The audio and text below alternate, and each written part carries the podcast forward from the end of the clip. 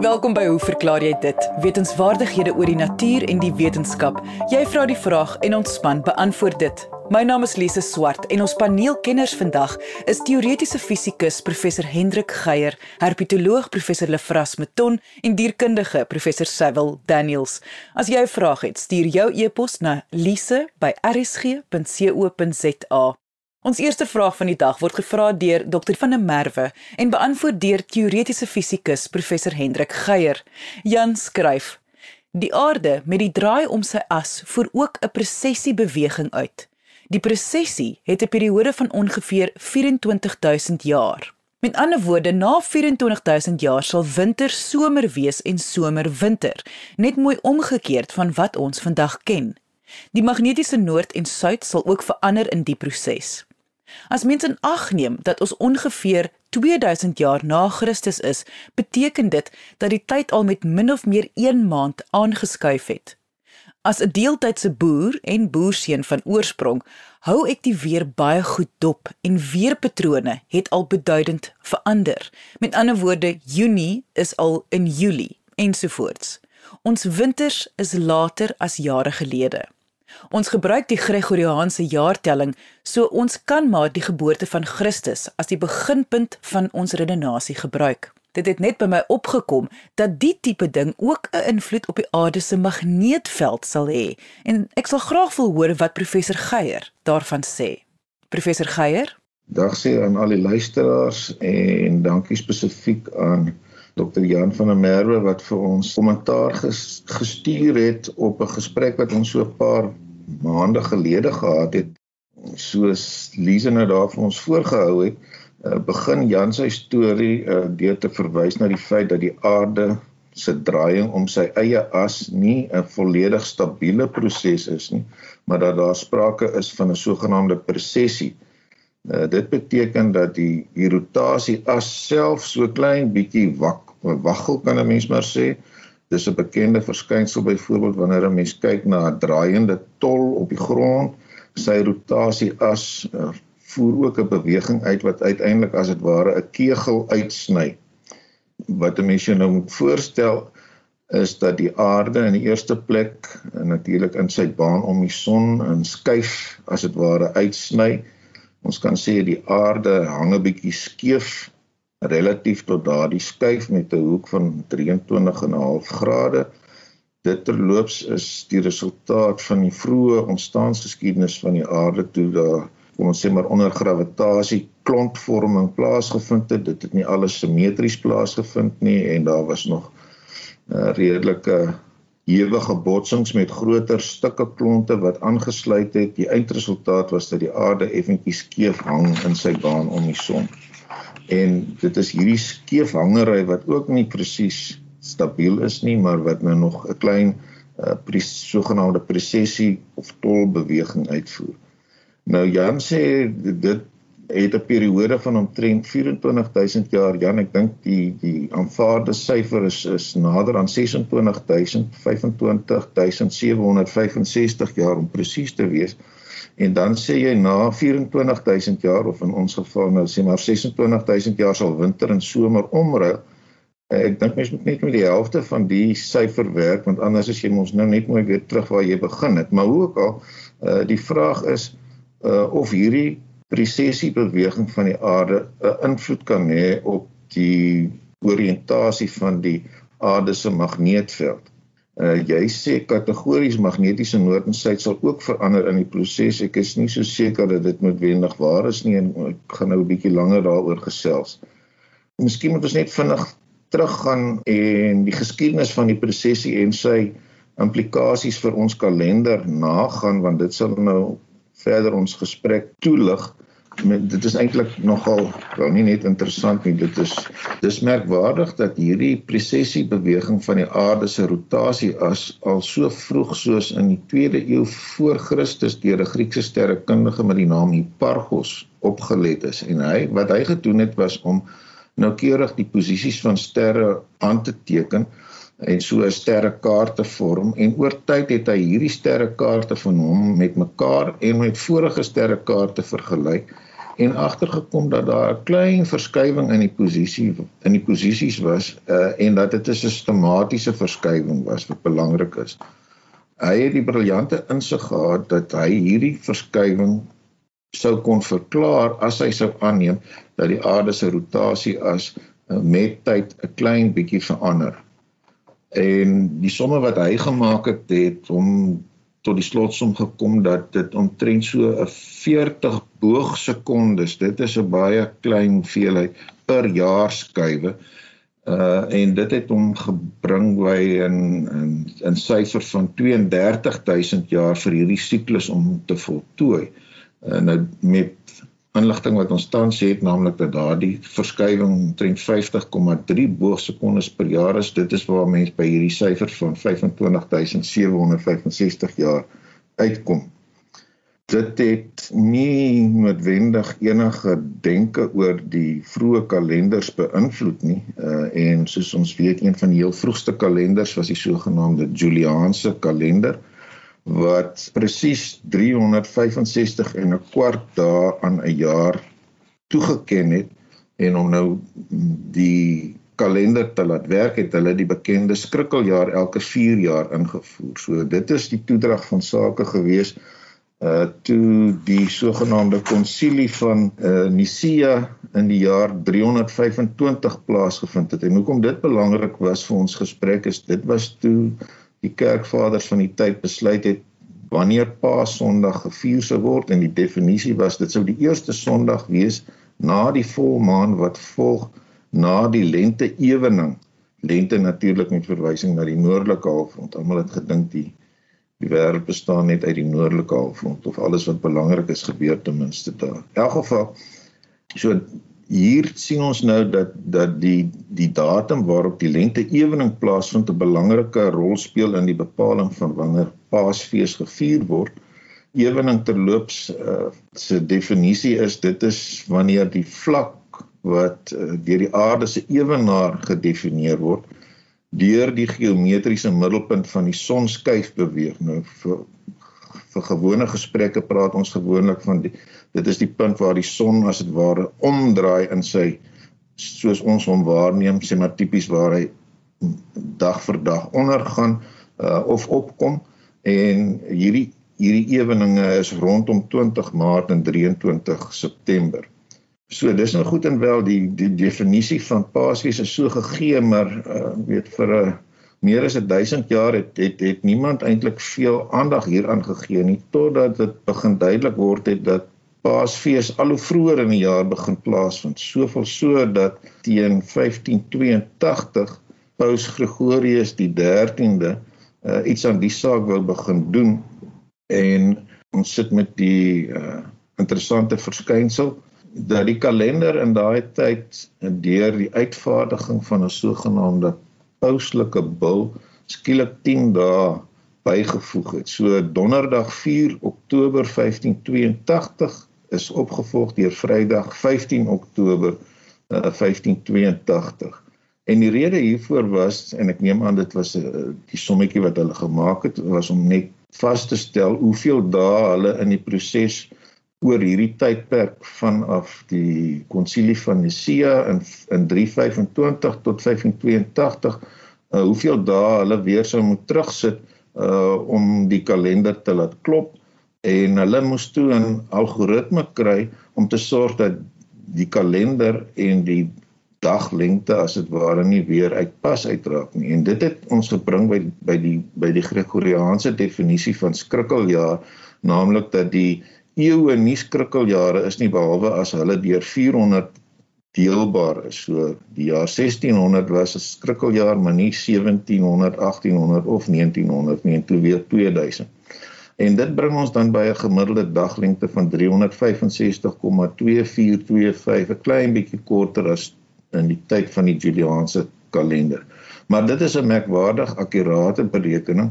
En nou deesdae word daar allerlei verfynings bygevoeg soos selfs byvoegings van skrikkelsekondes nou en dan per jaar soos internasionaal ooreengekom. Maar hierdie verskynsel van die Gregoriaanse kalender het uh, Jan belangrik kennis geneem van en dit in die kalender ingewerk naamlik die die invloed van die presessie.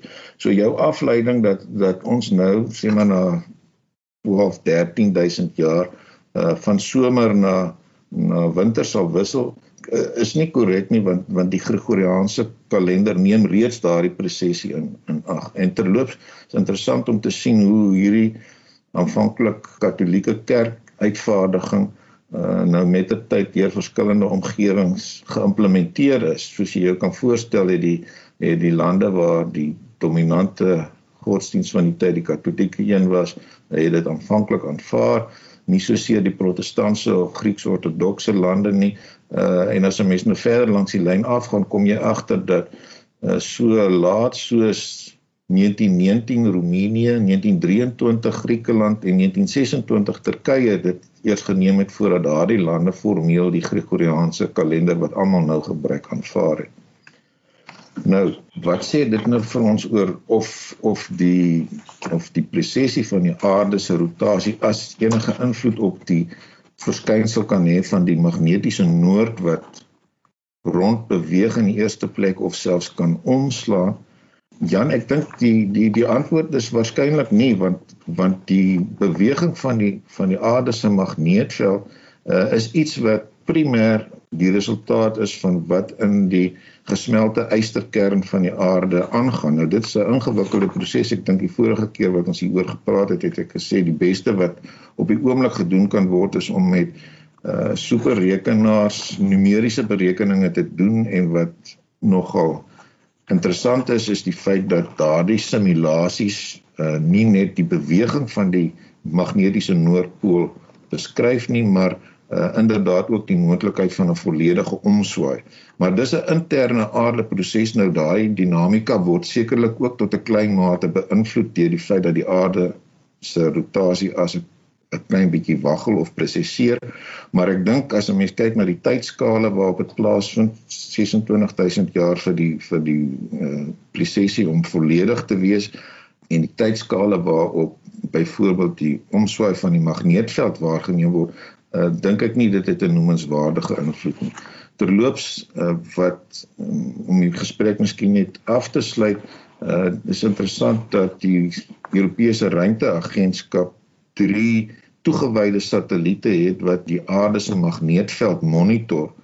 Uh, terloops die aarde se magneetveld se die noordpool is vir die eerste keer eers in 1831 gekarteer en sedertdien het dit vir 'n lang tyd so tussen tussen omtrent niks en 15 km per jaar geskuif tipies vanaf die Kanadese poolstreek in die rigting van Siberië en wat aandag getrek het meer onlangs was dat die tempo waarteen die noord uh, magnetiese noordpool skuif het, het toegeneem soveel sodat 'n mens nou al van uh, omtrent 50 60 km per jaar praat.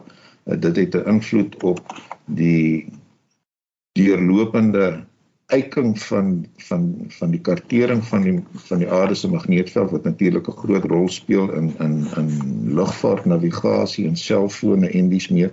Maar nietemin die die inligting wat deur hierdie sogenaamde swarm projek van die Europese ruimteagentskap in stand gehou word, dui daarop dat dit die resultaat is van van twee kom ons neem maar klonte van wat genoem word negatiewe magnetiese vloed wat as dit ware in 'n toutrekkery uh, gewikkel is en dat dit lyk of die toutrekkery een van hierdie klonte dermate beïnvloed dat die noordpool nou al hoe vinniger in die rigting van Siberië skuif. Maar uh, dit is dit is alles die resultaat van die van die van die ingewikkelde interne prosesse waar uh, gelaaide yster deeltjies in gesmelte vorm die feit dat hulle elektriese strome opwek wat op op hulle beurt weer uh, magnetiese velde tot stand bring daardie proses dink ek word net tot 'n baie klein mate deur die prosesie beïnvloed.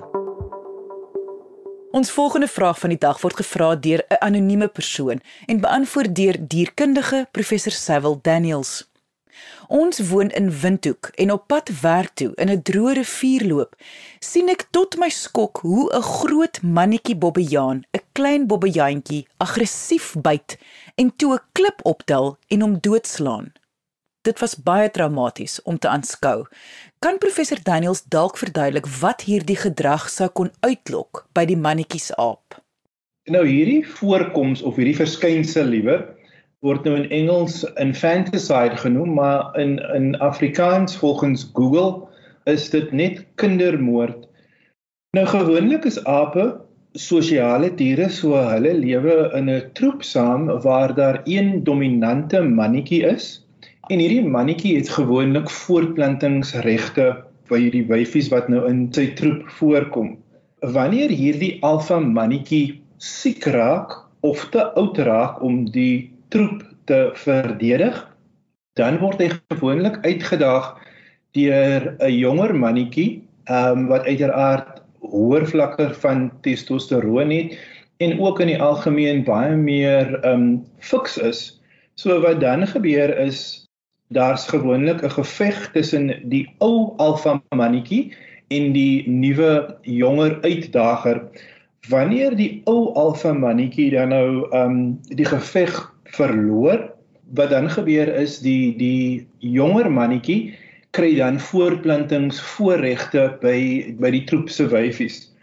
Maar interessant genoeg wat dan gebeur is veral wanneer die wyfie baie onlangs voortgeplant het, met ander woorde kleintjies dan nou het, gaan hierdie nuwe alfa mannetjie die babas doodmaak want die impak daarvan is dat die wyfie dan vinniger in estrus sal kom. Met ander woorde, sy kan dan baie meer ehm um, vinniger voortplant omdat sy dan nou nie die die die, die addisionele las wil ek amper sê het daarvan om vir die babas um melk te voorsien nie en om na hulle te kyk nie. So hierdie um infanticide of kindermoord vind gewoonlik plaas omdat die mannetjies, die nuwe mannetjies wil baie vinniger voortplant met die wyfies in die troep en ehm um, dit verseker dan uit die aard van die saak dat ehm um, hulle gene die volgende generasie van ape kan vorm binne die troep. Derhalwe sal hy dan die ou mannetjie of die oud alfa mannetjie se se kleintjies dood sodat die wyfie vinniger kan voortplant. Maar weet jy interessant genoeg Lise, 'n mens sien dit ook by leeu's, mens sien dit ook by uh luiperds So ehm um, dit is definitief iets wat baie meer algemeen is, maar soos ek voorheen gesê het, dit gaan maar oor die ehm um, die gene wat die wat die nuwe alfa mannetjie dan nou wil oordra aan die volgende geslag van van diere, maar die beeldmateriaal wat mense baie keer op die op die televisie sien wys tog daarop dat dit 'n traumatiese impak moet hê op die op die wyfie want sy het uiteraard van die saak nou haar kleintjie verloor. Baie keer skryf 'n mens menslike um, kenmerke toe aan die diere en 'n mens vergeet ook dat hulle ook maar hulle is ook maar net diere, jy weet, hulle is nou minder soos by mense wat jy nou kan sê, okay, waar is jou empatie vir die situasie? Ek dink daai tipe ehm um, kenmerke behalwe by hoër soogdiere soos byvoorbeeld by um olifante is is dit in die algemeen by die meeste soogdiere lyk dit of dit of dit maar 'n afwesige kenmerk is. Kyk, sy het nou nie meer, sy het nou nie meer die kleintjie om na te kyk nie. So dan gaan sy amper soos outomaties weer goue reg wees vir voortplanting terwyl as hy nou die kleintjies net so los sal sy baie langer neem om weer in estrus te kom want 'n mens moet natuurlik onthou dat voortplanting tot 'n groot mate 'n reproduktiewe las is vir die diere want die dier uh, moet baie energie investeer in voortplanting. Daar's 'n ontwikkelende baba wat in die in die in die uterus gewoonlik is. Wanneer die baba gebore word, moet daar maternale sorg wees vir die vir die kleintjie. So daar's baie energie wat geïnvesteer word in hierdie hele reproduktiewe proses. So dit gaan hier maar werklik oor versnellende voortplantingskapasiteit wanneer die ehm um, nuwe mannetjie dan nou sy reproduktiewe voorregte uitoefen by hierdie wyfies wat nou in sy troep voorkom. Dit was dierkundige professor Cecil Daniels Jy luister na Hoe verklaar jy dit op RSG 100 tot 104 FM. Nou is dit tyd vir ons kitsvraag van die week gevra deur Jordaan Smith uit die Noord-Kaap en beantwoord deur herpetoloog professor Lefras Meton. Lefras, hoe verklaar jy dit dat volstruise hul mis en urine apart kan uitskei, iets wat ander voëls nie kan doen nie? Liso ons almal weet dat voëls net een gemeenskaplike opening na buite het vir die uitskeiding van afvalprodukte van die spysverteringskanaal, van die niere en ook die produkte van die voortplantingsstelsel. Ons verwys somme na hierdie opening as die kloaka, maar hierdie benaming is nie eintlik korrek nie want die kloaka is eintlik 'n komplekse ruimte net voor die opening. Ons moet dus eintlik van kloakale opening praat maar ai, dis tog so lomp. Ons weet ook dat voëls anders as soogdiere nie 'n blaas het waarin urine tydelik gestoor kan word totdat dit nou uitgeskei word nie. Anders as by amfibieërs en soogdiere wat baie water nodig het om die toksiese stikstofafvalprodukte, ammonium en urium in hulle urine te verdun, benodig reptiele en voëls feitelik geen water vir die uitskeiding van urinesuur wat weer hulle uh, afvalproduk, 'n stikstofafvalproduk is en wat as 'n vaste stof uitgeskei kan word. Die tydelike berging van groot volumes urine is dus onnodig by voëls en 'n blaas is dus ook oorbodig. By voëls open die afvoerpype van die niere in die kloaka waar daar dan verdere modifikasie van die urine kan plaasvind onder andere die herabsorpsie van water totdat die urinesuur kristalle as 'n wit pasta neerslaan. Die urinesuur pasta word dan nou saam met die mis wat natuurlik ook deur die kloaka beweeg uitgeskei en as en as daar oortollige water is word die ook saam met die mis en die urinesuur uitgeskei. Baie mense het egter seker al die voorreg gehad om te sien hoe 'n volstruis in staat is om 'n straal vloeistof sonder sonder enige mis daarin deur sy kloaka te kan uitspuit. Dit laat 'n mens dadelik oor twee dinge wonder. Hoekom meng die mis en die urine nie in die kloaka soos by ander voëls nie en hoekom word so baie water uitgeskei. In die natuur is die voorkeur habitat van die volstruis semi-ariede tot ariede omgewings waar watertekorte en hoë temperature natuurlik groot uitdagings is vir oorlewing. Verder kan volstruise ook mos nou nie vlieg nie en hulle moet soms lang afstande na waterbronne af lê en wanneer hulle dan nou water teekom moet hulle baie water drink. Maar die probleem is waarom die ekstra water nou te stoor. Natuurlik beland die water aanvanklik in die bloedstroom, maar word dan deur die niere uit die bloedstroom verwyder en as urine in die kloaka gestort. Hier word die urine nou egter in 'n ventrale uitsakking van die kloaka vloer gestoor. Die rectum waar die mis nou gestoor word Eh, tot en met uitskeiding is deur middel van 'n sfinkterspier afgesluit van die kloaka en geen vermenging van mis en urine vind dus plaas nie. Wanneer die sfinkter verslap word, word die mis met behulp van spiersamentrekking bo oor die ventrale uitsakking met die urine in beweeg. Met die sfinkter gesluit kan die urine weer afsonderlik uitgeskei word wanneer nodig. Nou afhangende van omstandighede word water in die kloake uit die urine herabsorbeer om in die volstruise behoeftes te voorsien. Die volstruise het dus 'n gerieflike watertankie wat hom help om in ariede omgewings te oorleef. Nou hierdie tankie moet ook van tyd tot tyd leeggemaak word. Soms bevat die urine baie water, ander kere weer is dit net 'n slijmerige wit pasta wat uitgeskei word. En dit is herpetoloog professor Lefras Meton. Indien jy 'n vraag het, stuur jou e-pos na lise@rsg.co.za.